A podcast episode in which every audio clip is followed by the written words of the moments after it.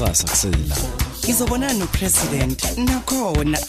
Uma ngiyaxakekile la wenze ngikushoyo. Kungenjalo uqoshiwe. Ungathembela mina ngeke ngitshele muntu. Kanti kunezami izinto ziyohlangana nini? Uthi akambulalanga kodwa mina ngiyazi.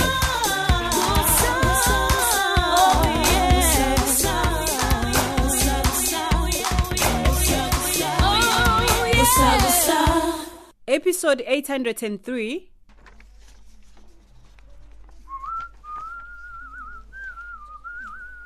hey woza nkululeko awusekusela amahora ambalwa enathi siphume ejele. Ayi kodwa kumnandi ukuba ungqonqo mkadi ngoba uhlala unqoba kuko konke nje. Awuwe Mr Ngqongqo.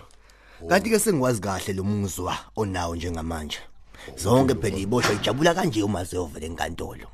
Zonke ziye zijela ukuthi hawu sekuseduze ukuthi iphume ejele kanti hayi kusengenjalo kwesinye isikhathi. hey ungalokothi ungifanise namanye abantu mina nje uyangizwa ngiyungqonqo ongafani namuntu mina uyangizwa she Hayi angikuzwa kahle ngqongqo mkade. oh Eh kodwa mhlola le ngqongqo. Angazi ukuthi ibizwa ngokuthini into enje. khuluma ngizwa Hayi ngisho lento leyo ukuthi wonke umuntu afika athi iqula ejele aphume futhi. Kodwa mina do hoyibo ekudole wazi ukuthi kwakhala nini la kushakes yazi. ingoba anelisanga shakes nakhulela la emadolobheni thina salusa nje sazi kahle ukuthi uma izinto zinje kufanele wenze kanje Hayi kodwa likho iqiniso nje la emhlabeni. Hawu. Basuke beqinisile futhi uma besho njalo. Uwena lo singiqhoshela kanje nga. hayi angiqoshi shakes Uyangithoshela. Ho Uyazi ukuthi ngaphandle kwami ngqongqo ngabe wena ubizwa ngomufi namhlanje. hayi ngiyakwazi lokho shakes pho uthi angenze njani yini oyilindelela kumina Ubuza ngobubuza lo mbuzo wakho. ho Hey, noma nani uyangishiya la. Namhlanje ngishiwa uwena ngqongqo. ho madoda Hayi ngqongqo. Mina ngakusindisa kufeni wena. hey shakes kanti kungakhali kakhulu Hayi ayikho into engeke ngikhale. yileyo naleyo nja inosuku lwayo Awubheke nje esikhulini sokuthi ungisize. Uzangibiza ngenja. ngisho cabanga, njalo. Nkonko. ngisho ukuthi liyeza nolwakho usuku lwenkululeko Luza nini? Lokufika sengafa. Anginawo uyayibonela ukuthi kufika kanjani la ejele ngqongqo. angibonile shakes ngiyofika la ejele ngizokubona Awubheke nje. yo Bonke bangitshela leyo nto leyo. Oh. Iculo lakudala kabi lelo ngqongqo. Nawe uyayikhohlisela nje mina. Yazi ke uyokhohlisa abangazi hayi shakes lo. ho Wena waphuma nje la ejele uyokhohlwa nawe ukuthi kwakhona umuntu ofana nami emhlabeni. hayi ungangifanisi nabanye abantu mina ngehluke kabi kwabanye abantu Bheka bonke. mina ngizokutholela inyanga enomuthi othi thi Nonke nisho ka. uphume kuleli jele ngiyakutshela yo Hayibo. Ungakwenza ngempela lokho ngqongqo. hayi ukuthi ngingakwenza ngizokwenza shakes Ha. Yebo ngqongqo. Ingathi nginqoba ngempela ke leli cala likathandeka. Ukuze ukwazi ukungisiza ngqongqo. ya. Yiba ingqongqo yangempela ke manje. ekhona leso sithuthe esuthandeka uselibhedisa walibhedisa icala lakhe. Selifana nento engekho. Hawu. yo ngiyakutshela yo. Hayibo. hey ngoba wazi wena shakes. Angase ngisibone isilime esinje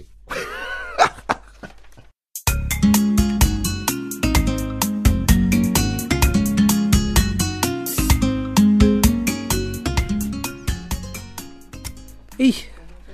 Awujike ngifonela ubaba uMadoda.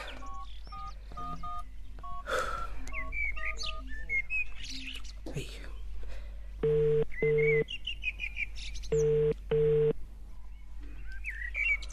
Yebo menzi. Usihamba kahle ndodlana. Oh, hey, khamba kahle kakhulu baba. Eh. Phela baba useze watholakala ukhokho. Awu. Oh kwakuhleke lokho. Kungase kube mhlambe uthola amaphoyisa? Cha cha baba, ngingathi nje utholwe mina no Gertrude ngombiko lesawufaka emaphephandabeni. Ya. Kanti uzogcina uqondene naye. Oh. Yebo. Bese niwathintile kodwa amaphoyisa. Ah, Cha besingakawathinti. Ngitha ngiqale ngithinte wena baba kuqala. Oh. Hayi wenze kahle ndodana. Lalela ke. Angalokothi ukhokha azama ukubophisa umngadi. Hawu. Ngani manje baba? Akufanele phela ifihlo into enjeni. I-attempted murder phela leya baba.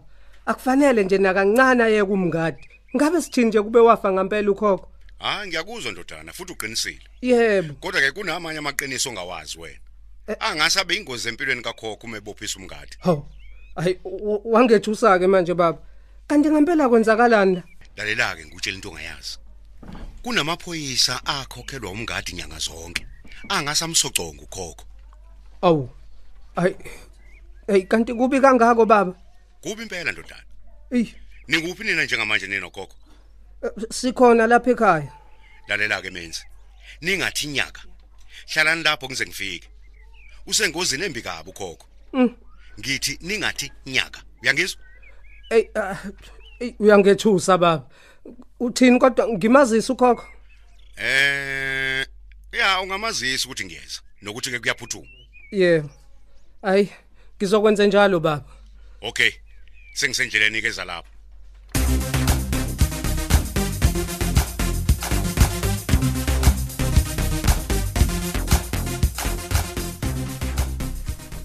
Lalela-ke Thandeka, sengineminyaka ngenza lo msebenzi. Angisili ivukana nje. Ngilisebenzele kanzima igama lami elihle. Angifuni ukuthi ungcolise ngalento oyenzayo. Yokuthi ngikutshela lokho, wena uzenzela okufunwa nguwe. Eh ngiyaxolisa advocate Zuma. Ukuthi nje ngivele ngivuka imoya emibi uma ngike ngacabanga nje indaba yokuhlumeza kwami umngadi. Phela ingakho ngithe kufanele ube nofakazi abazosekela ubufakazi bakho. Ngiyakuzwa. Kayanele imininingwane eqoshwe phansi mayelana nokuhlukunyezwa kwakho ngokwempilo. Kunjalo. Ay bakhona abambala phela engizobacela ukuthi bangifakazele. Umqondo kufanele ugcilise embuzweni ezophoswa kuwe. Ngiyezwa advocate Zuma. Ay ngizoqikelela impela. Izokuba nzima ngoba bafuna udideke, ubhede bese konakala icala. Hayi ngizwa kahle. Ngizoqikelela kakhulu.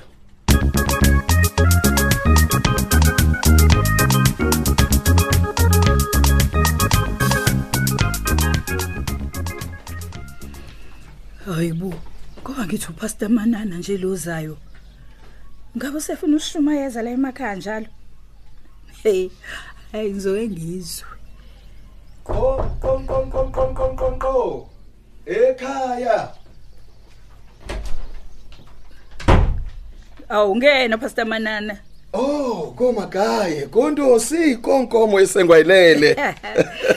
hayi thina akazazi ithakazelo zeni pastor manana Ah, hallelujah sister Nonki. Kanti ke thina nje uma uthi nje pastor noma mfundisi usuku soqedile. siyaphila thina pastor Eh, manana Nkosi yami. singezwa yona nje nceke inkosi ukuthi injani Mm, amen.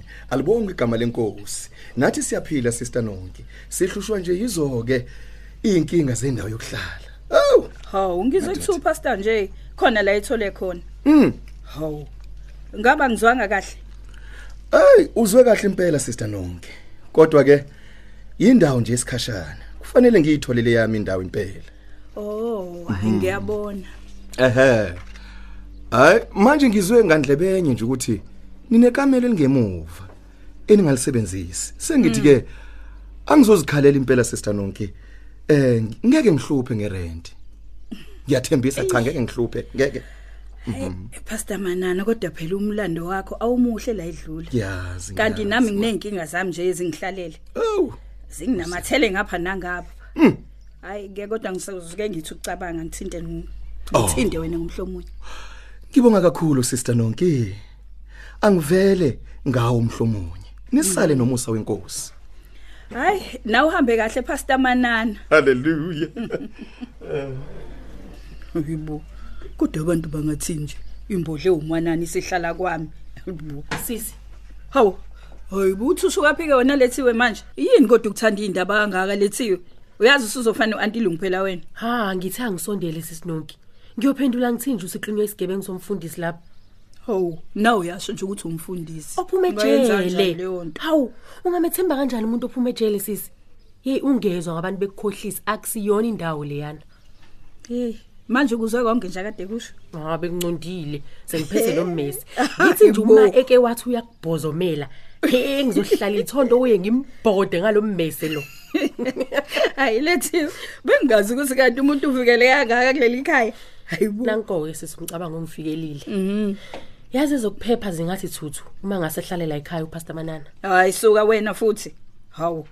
Akane kusipozomela yini? Mesehlala ekhaya ukahle hayi bulethi sisi ngibuye ngakhumbula phela ukuthi kuthiwa uchazwa abafana abancane abahlanzekile.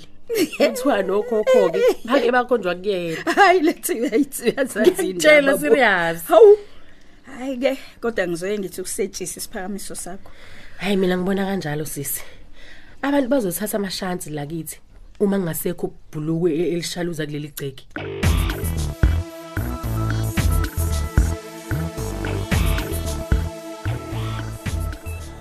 Nkosazana Thandeka Dlamini. Noma ngithi nje nkosikazi Thandeka Mngadi. Ngubani wakuthengela imoto yakho yokuqala? Wakuvakashisa eDubai nase Cape Town, he? Wakukhokhela eUnima usulahlekelwe umfundaze wakho.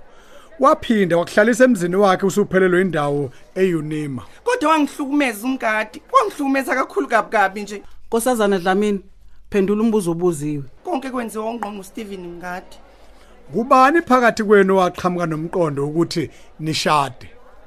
umngadi wathi asishade futhi vele umuntu wesilisa phela njalo oyayethula isicelo sokushada kumuntu wesifazane Oh, umthetho wakho unamanga. Kodwa ke ngizowaveza obala wonke amanga akho. Okwamanje akusenambuzo nkosi enkantolo.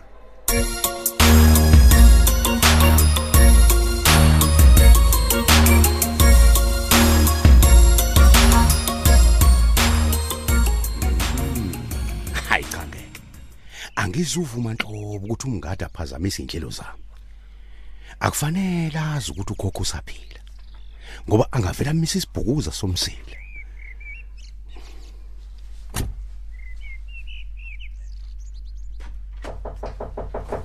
Hayi ngena sothole.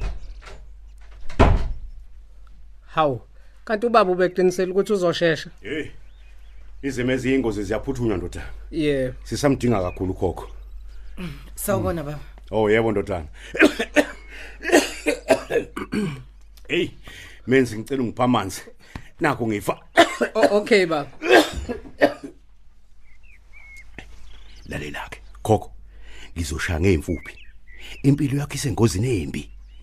Ungqongqo unenkabi ezingamaphoyisa. Uma nje ngasathola ukuthi usaphila ngabe kuphelile ngawe? Ngizokusheshisela ke ngizokwenzela amalungiselelo ukuthi uyosebenza phesheya kwezilwandle kulungile Hawu kodwa mkhulu ngilosi ukukhanya. Ngiyakubonga wena ungabonwa ngamehlo. ngamanye amazwi ngiqhubeke khokho Hayi baba, kanjalo nje. kanjalo nje kanjalo nje kuzofanele uhlale lapha nomenzi ungalokothi ubonwe ilanga ungasho lutho futhi kuyena siyezwana Yebo baba ngiyezwa. Kodwa ngicela isikhashana nje sokucabanga. Ngiyathemba ijuice ikulungele baba. oh hayi awu ndodana ewaletha yona impela. Ijuice engizwana nayo. Hey kusobala ukuthi usuyangazi impela. Hawu phela mangingathi angikwazi manje sothole kusho ngisophinde ngikwazi. Awu. wasebenza. Eh sengibongile ndodana ngiyabonga kakhulu.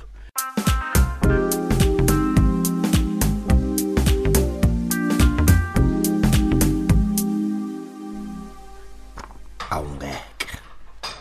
Ngabe kuyadlalwa? Ngeke. Ungqongqo?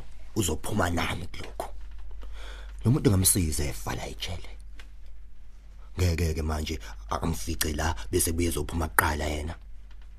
Ayi eyithatha kude ngale ndaba yeparoli Eh, kanti kahle kahle umuntu kumele ezenze njani ukuze akhombise ukuthi seshintshile usayiphethe kahle? Nokumanana la kwangiphazamisa ngithi ngiyeqe namhlanje sephumile yena. Mina ke lo ngisabhadlile la ejele. Ngeke kuzofanele ngisize umngadi. Imali le isebenza ngempela ejele. Awubheke seyenze umanana. Hayi umanana ubani lo? Ufani. Baphethe manje la ejele. Sebamakhosi umngadi naye bheka. Bahlale ama week nje. One week baphumile manje ngenxa yemali. Ayingeke nami ngiyaphuma manje. Yize ngenayo imali.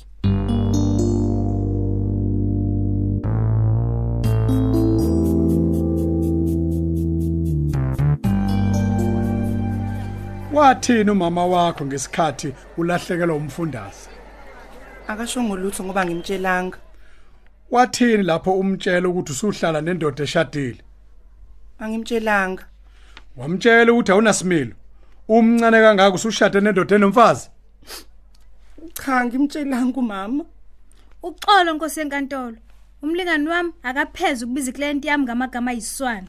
Khansela nzuza hoxisa amagama akho. Futhi upheze ukubiza umangali kabi. Ngiyahoxisa nkosi enkantolo nkosazane dlamini ungathanda ukuthi ke sihlabe ikhefu noma siqhubeke? No cha singaqhubeka nkosi. Wazizwa unjani lapho umngade sehamba ngewheelchair? Kangiphatheke kabi ngamzwela futhi ngamsiza ngokuningi wamzwela ngokuthi ulale nendodana yakhe emzini wakhe Phela kanjalo isiqephu sethu namhlanje kanti ababhali bethu ngusinoxolo Duma, Christa Biyela, Eric Ngcobo, Dibiza Ntuli, Hlengiwe Shange kanye noNtando Kunene. Lo mdlalo uqoqwwe ngaphansi kweso lika Dolly Hadebe. Sicela uphinde usihlangabeze futhi ngokuzayo.